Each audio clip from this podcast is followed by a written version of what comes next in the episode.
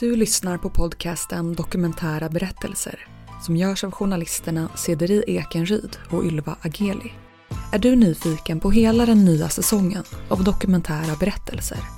Då kan du gå in redan nu i Podplay-appen eller på podplay.se och lyssna på alla tio avsnitt av säsong 9 helt gratis. Den här säsongen handlar bland annat om hur det är att vara medlem i Hare Krishna, om röster från de döda, att sitta i häkte som oskyldig och såklart mycket, mycket mer. Så gå in på Podplay och lyssna på hela säsongen redan idag, helt gratis.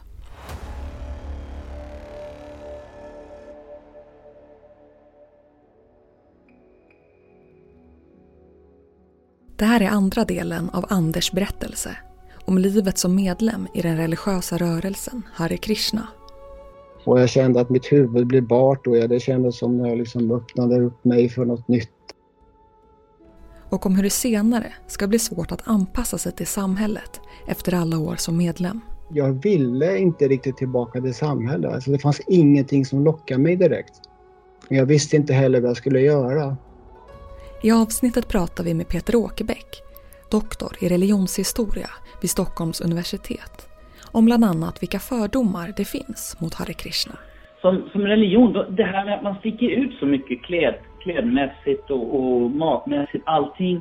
Det är, det tror jag, ja, det är svårt. Det är svårt att leva ett, ett, så att säga, ett vanligt liv och gå till jobbet och gå skolan och allt sånt här.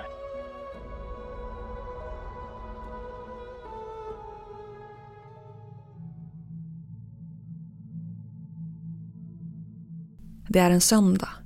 Anders lever i kollektivet i Partille utanför Göteborg tillsammans med fyra andra medlemmar. Det är ett stort hus och på dagarna är de ute på gatorna och säljer böcker för att få in pengar. Han meddelar att han vill raka av sig håret precis som de andra fullvärdiga medlemmarna gör i rörelsen. Eh, jag hade framfört min önskan att liksom bli verkligen en del av rörelsen. Så kom det andra hängivna som var ute och reste och sålde böcker och så. Det var väldigt mycket, missionen bestod väldigt mycket av att sälja böcker ute på gatorna. Eller vara ute och sjunga och spela då. Men man tänkte att de här böckerna, om folk får de här böckerna i sina händer och börjar läsa, då kommer de att bli övertygade. Men det, det var inte så många som gick med. Men på den tiden så var det lite fler än, än vad som det är nu då. Så det var en liten tillströmning. Eh, de kom till templet där i Göteborg och vi var, så då tyckte vi att vi var många, då kanske vi var 20-30 stycken och eh, de var väldigt eh, sådär, jag blev glada att jag skulle gå med och sådär. Så att det, det, det kändes väldigt som en helig stund när jag var där tillsammans med mina nya bröder. Ehm, och de rakade av mig håret och jag såg mina hårtofsar falla en efter en efter en. Liksom. Och jag kände att mitt huvud blev bart och det kändes som när jag liksom öppnade upp mig för något nytt. Och, det, det, var en, det var faktiskt en god stund. Då kände jag inga tvivel just där. Som medlem ska han visa både ödmjukhet och hängivelse. Det som betonades väldigt mycket var ödmjukhet. Eh, och det var att man hela tiden skulle liksom ha en inställning att man var en tjänare till en tjänare. Man skulle, när man träffade en, man kallar gudbroder då, en annan munk eller sådär, och så då la man pannan i golvet och, och läste en ramsa som handlade om att man ville ge den och den liksom all lycka och, och sådär. Och så skulle man hela tiden ödmjuka sig och man skulle utföra sina uppgifter och plikter som man hade på ett väldigt bra sätt och sådär men, men eh, utan att vilja förhäva sig på något sätt utan och var man duktig så skulle man inte på något sätt eh, ville ha andras uppskattning eller liksom eh, bli ansedd eller någonting sådär utan man skulle göra det av kärlek och, och hängivenhet så det, det var den perfekta. Varje dag ska man också upprepa ett mantra. Vi hör Peter Åkerbäck, doktor i religionshistoria. Hare Krishna, Hare Krishna, Hare Rama, Hare Rama, Rama Rama, Hare Hare. Man, man säger Guds namn kan man säga, Hare Krishna. Hare, Hare så här, härlig, härlig var du. Eller jag tror att det är någon, någon, någon annan översättning. Men det, det, det är ju Krishnas namn man, man, man repeterar. Och samtidigt som man repeterar bönen använder man sig av ett radband. Man har ju 108 kulor på det här radbandet. Man säger då mantrat eh, eh, för varje kula och sen så eh, ska man göra det här minst 16 gånger om dagen. Så det är väldigt mycket, man ska ägna sig åt väldigt mycket bön helt enkelt. Och det är den som ska sätta en i kontakt med det Krishna-medvetandet så att säga. Man kommer närmare Gud. Mantrat är ju rätt fort att säga så att det går, det har ju liksom, men, men man kan se ibland hängivna eh, Krishna-medlemmar som, som är när, man, när jag har varit och besökt och så kan man se att någon står i ett hörn och så, så har handen i sin lilla påse och räknar kulor och, och man, man ber när man får tid så att säga. Man har, ja nu har jag en paus, ja, då kan jag gå och be lite grann.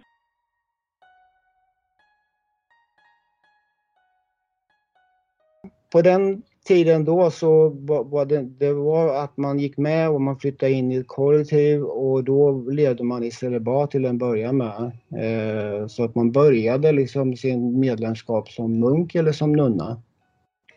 Så jag levde, jag levde celibat hela de åren jag var med då, tre, fyra år. Um, men en del ville gifta sig.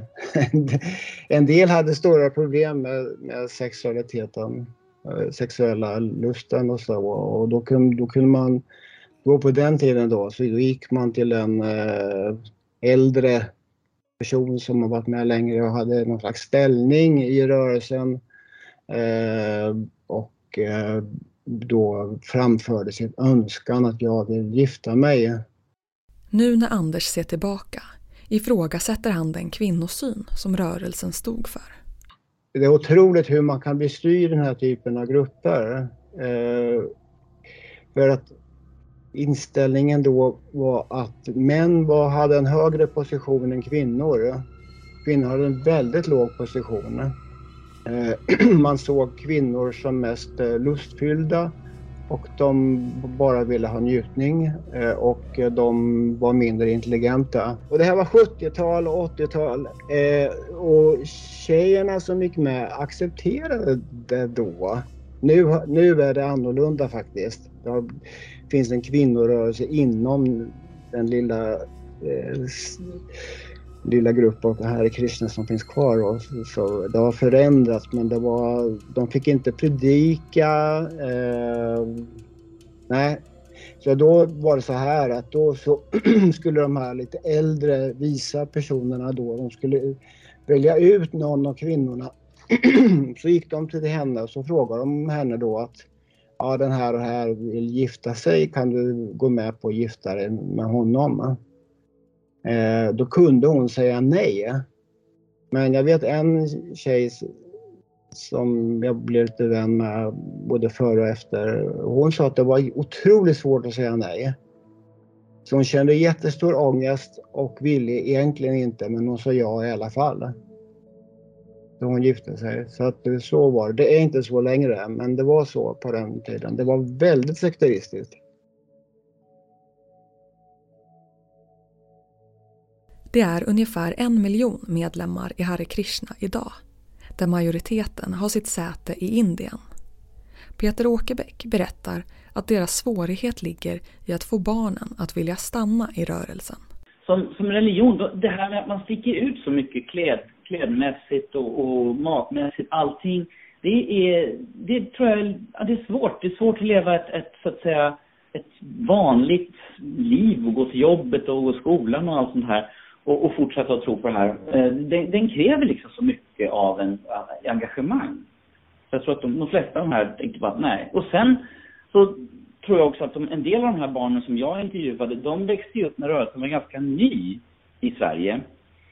Och det var ganska det var, det, var, det, det var inte enkelt, det var inte så lätt, det var ganska rörigt. Det var svårt med hur de skulle gå i skolan det, det, vi har till exempel sådana, när, när, när en del kristna barn går på dagis så ska de också äta eh, den här kosten och det har varit bråkigt med det eftersom eh, i vissa fall har det till och med lett till till eh, eh ja, juridiska, alltså, där, där, där, kanske till exempel en förskola har ifrågasatt att den här kosten, är den verkligen nyttig? Är det här bra för, för ett barn? Barnen vill äta korv och, och köttbullar och sådana här saker. Och där har varit så, så det har varit ganska mycket det har varit mycket struligt. Strulig, de hade ingen riktig struktur. Det tror jag gjorde att många som växte upp i rörelsen kände sig lite, eh, ja, det här var inte, det blev liksom ingen bra start på det religiösa livet heller. Så småningom börjar Anders tvivla på sin tillvaro. Han är trött på att gå runt och sälja hela dagarna. Och han, som är en blyg person i grunden, tycker det är jobbigt att tränga sig på människor på gatan. Dessutom är de inte alltid ärliga om vilka de är. Det slutar med att han blir erbjuden att flytta upp till ett annat kollektiv utanför Stockholm. Och där fanns det en gård utanför Stockholm som heter Korsnäs gård och jobbar med böcker och deras tidskrift. Um, så att, eh, och för de visste ju min bakgrund och sådär och lite grann om vem jag var så de trodde att jag skulle trivas bättre med det och, och så jag flyttade dit då. Och det, jag trivdes bättre med det. Så, så, så att, där var jag i några år och de första åren så, så var det inte mycket av tvivel. Jag mådde väldigt bra faktiskt. Man tänker kanske ibland att de som är med i en sekt mår väldigt dåligt och att det bara är manipulation som gör att man hålls kvar.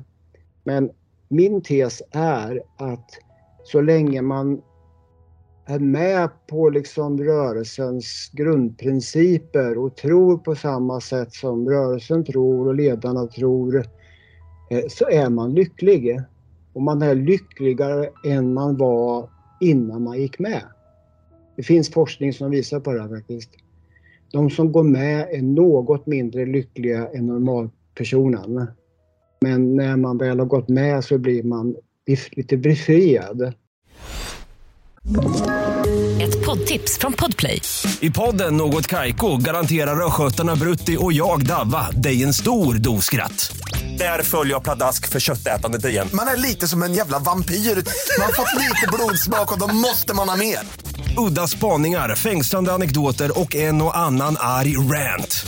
Jag måste ha mitt kaffe på morgonen för annars är jag ingen trevlig människa. Då är du ingen trevlig människa, punkt. Något Kaiko, hör du på Podplay. Därför är gardinerna.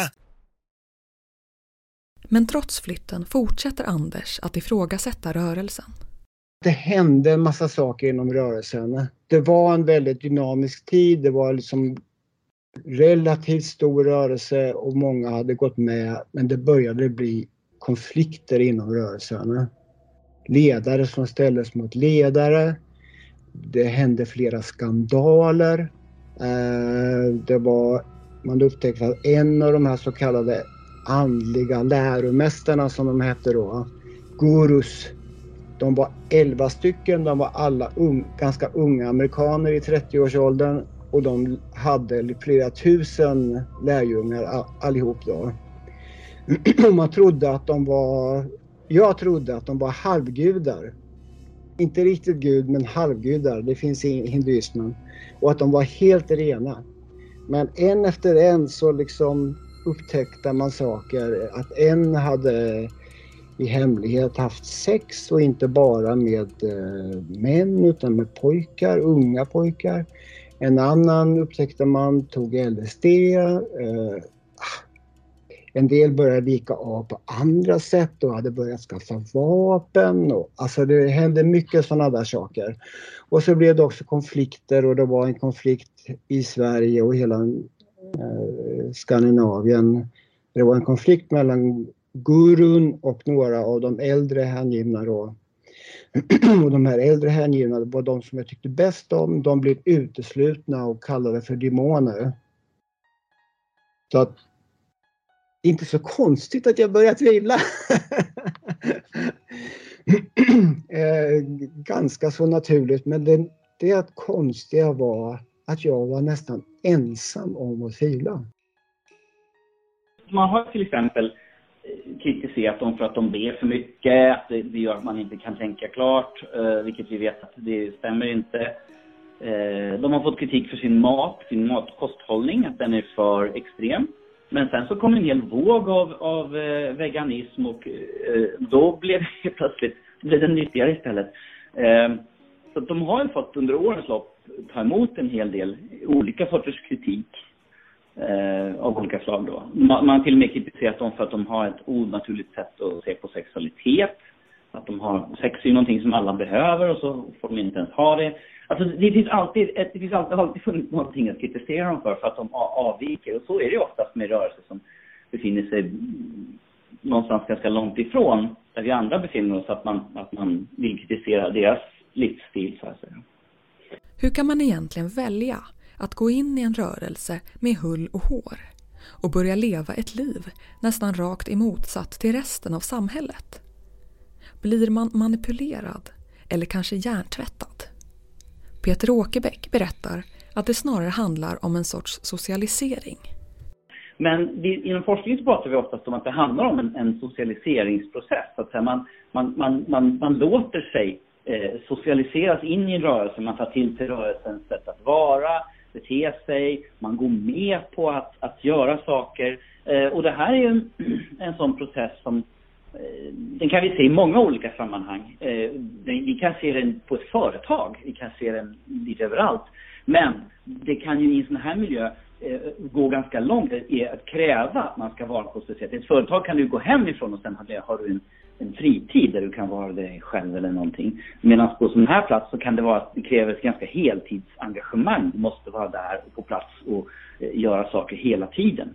Och då kan det ju kännas när man sen kanske kommer till en, en kris i livet där man känner att äh, jag ska inte vara med i det här längre, att man känner sig lite lurad på det här. Man, man vill inte acceptera att man faktiskt själv gick med på att, att göra alla de här sakerna trots att jag tvivlade och det här och alla visste det så var jag, hade jag en slags miniledarställning. Alltså jag skulle hålla reda på det administrativa och skötseln av templet och sådär.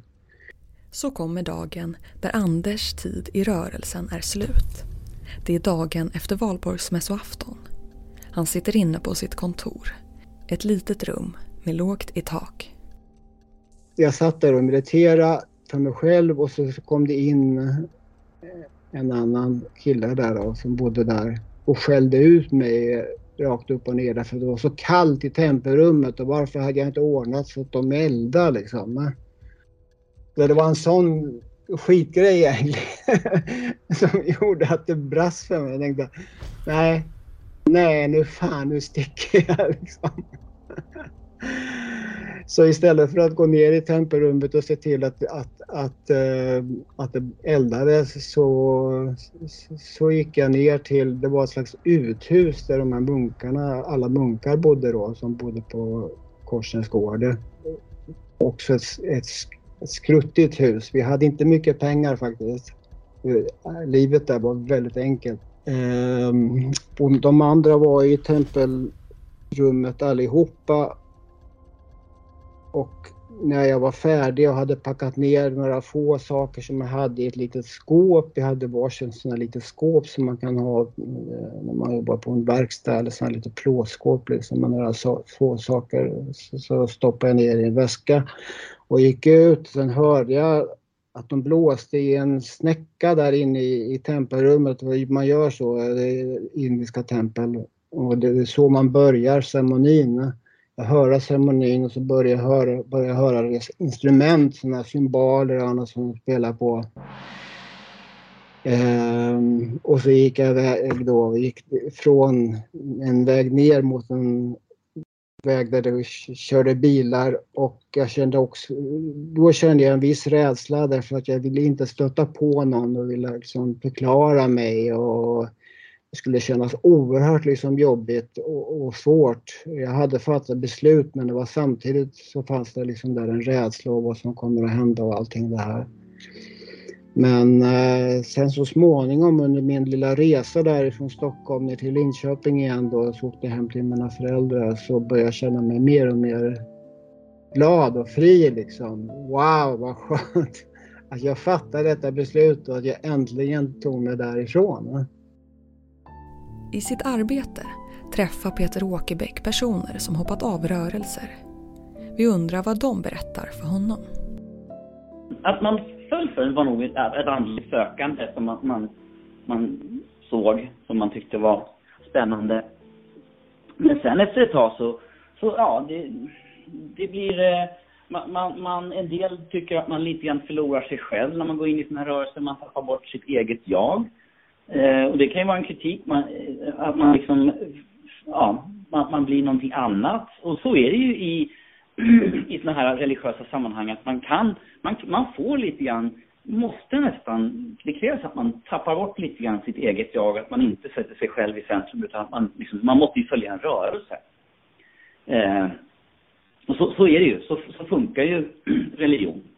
Eh, och det tror jag vi svenskar är lite, nästan lite ovana vid det här med att man, att det egna jaget, det här att vi är så individualiserade och så här, det är det viktigaste.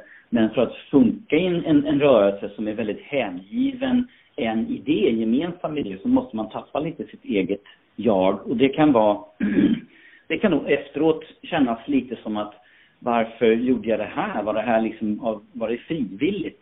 Det stöter vi också på ganska ofta, de som lämnar de här rörelserna, att de, de lite grann anklagar dem för att de, de nästan blev lite manipulerade eller nästan ibland kan man till och med använda ordet blev hjärntvättade eller något sånt här. Man känner sig lite, eh, ja, lurad på något sätt. Och just Hare Krishna tror han har en svår framtid som rörelse. Kanske att det, det jag skulle vilja påstå att det är en rörelse som har en, en ganska tuff framtid. Om jag ska vara helt, om jag får gissa, så tror jag att den har en tuff framtid. Eh, frågan är om den, om den kommer att kunna finnas kvar så, så i den form den ser ut nu. Om man inte lyckas man inte lyckas få, få nya medlemmar eller lyckas få barnen att stanna kvar så tror jag nog att det ser rätt, rätt mörkt ut. Det tar många år för honom att återvända till samhället. Han fortsätter leva på samma sätt. Börjar en liten ny rörelse tillsammans med andra utfrysta före detta medlemmar. Han får höra om en indisk guru som driver en liknande tradition och åker därför till Indien för att följa honom under ett halvår. Han vet helt enkelt inte hur han ska fortsätta leva ett så kallat vanligt liv. Så en dag, år 1985, när han befinner sig i Wien i Österrike träffar han en kvinna som han så småningom kommer gifta sig med. Men vi, hon kom med till Sverige, det är en lång historia. Det var så att hon var papperslös faktiskt. Hon hade lämnat sin familj när hon var 15 och hade inga papper på vem hon var riktigt och bodde i det här templet i, i Wien. Så jag blev faktiskt tillfrågad om jag kunde gifta mig med henne på pappret så hon skulle kunna få sen ett svenskt pass och kunna åka till Indien. Det var liksom planen. vi gifte oss faktiskt i Wien, men på låtsas så att säga. jag fick låna en vigselring från någon eh, och eh, låna någon slags kostym och vi åkte till standens amt i centrala Wien där och, och gifte oss borgerligt liksom. Men det var på, på pappret. Men så blev det på riktigt med tiden. För hon kom till Sverige och så småningom flyttade vi ihop och fick två barn. Men och barn, det var nog faktiskt när min dotter föddes som jag kom tillbaka till jorden. Eh, vi bestämde oss för att föda hemma. Vi läste mycket om det och hade kontakt med en barnmorska och allting det här och sen så eh, var det slutet på graviditeten där. Och det var en väldigt tuff förlossning. Eh, den pågick faktiskt i flera dagar. Vi var båda totalt utmattade.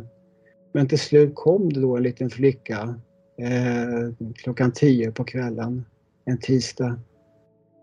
Och det var ju som det är när man föds. Det är blod och bajs och slem och liksom... Men sen kom det här en ny levande varelse som jag aldrig hade sett. Och det var bara så fantastiskt, så otroligt. Och jag fick ta den här lilla varelsen och klippa av navelsträngen och, och liksom det här är min dotter. Så att där var det ett möte med både ande och kropp liksom samtidigt. Så att det var faktiskt i det ögonblicket som jag kan tycka att jag kom tillbaka till jorden. Annars hade jag svävat uppe i de eteriska regionerna i många, många år. Det är också vid sin dotters födsel som han nästan tvingas in i samhället igen. Han behöver arbeta för att få in pengar till familjen. Och jag visste inte hur jag skulle göra. Men jag eh, började som tidningsbud. Jag gick till eh, kommunen och började med omsorg inom omsorgen och, och höll på med sådana där typer av yrken i några år. Men jag vantrivdes med det mesta. Eh, men jag var tvungen att jobba mycket för min fru. Eh, som mest var hemma med barnen, jag var hemma lite då. Men hon var ju invandrare så hon, och hade inte jobbat i Sverige så vi fick 60 kronor om dagen. Så jag var tvungen att dra in alla pengar. Så jag var liksom när, plötsligt familjefader. Och fick slita häcken nu i, några år där tills jag började återvända till universitetet och så småningom bestämde mig för att bli journalist. Då. Nu för tiden bor jag i ett, i ett litet hus faktiskt ute på landet. Jag bodde i Stockholm i decennier och sen flyttade jag och min nya fru då till Göteborg därför att hon växte upp där. Och så köpte vi ett fritidshus och nu är jag i positionen att jag kan jobba lite var jag vill så jag bor nästan bara där. Och om det finns något religiöst kvar hos Anders så är det mindfulness som delvis kommer från alla meditationer och böner under åren som medlem i Hare Krishna. För det här handlar ju om hur man själv och på egen hand kan träna sig till att bli mer fri från de här störande tankarna och känslorna och eh, känna lugn och ro och eh, göra en sak i taget och liksom allt det här.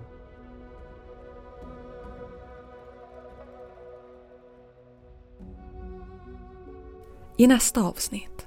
En ung man eh, genar över, över eh, järnvägsspåret och eh, blev påkörd av tåget och hans vän som ser detta blir såklart kraftigt chockad och håller en kroppsdel från, från sin kompis i sin famn och vill inte släppa den här kroppsdelen. Glöm inte att alla avsnitt av säsong 9 finns ute redan nu, helt gratis på Podplay. Och vill du komma i kontakt med oss som producerar den här podden och dela med dig av din livshistoria? Maila oss på kunskapsstudion gmail.com.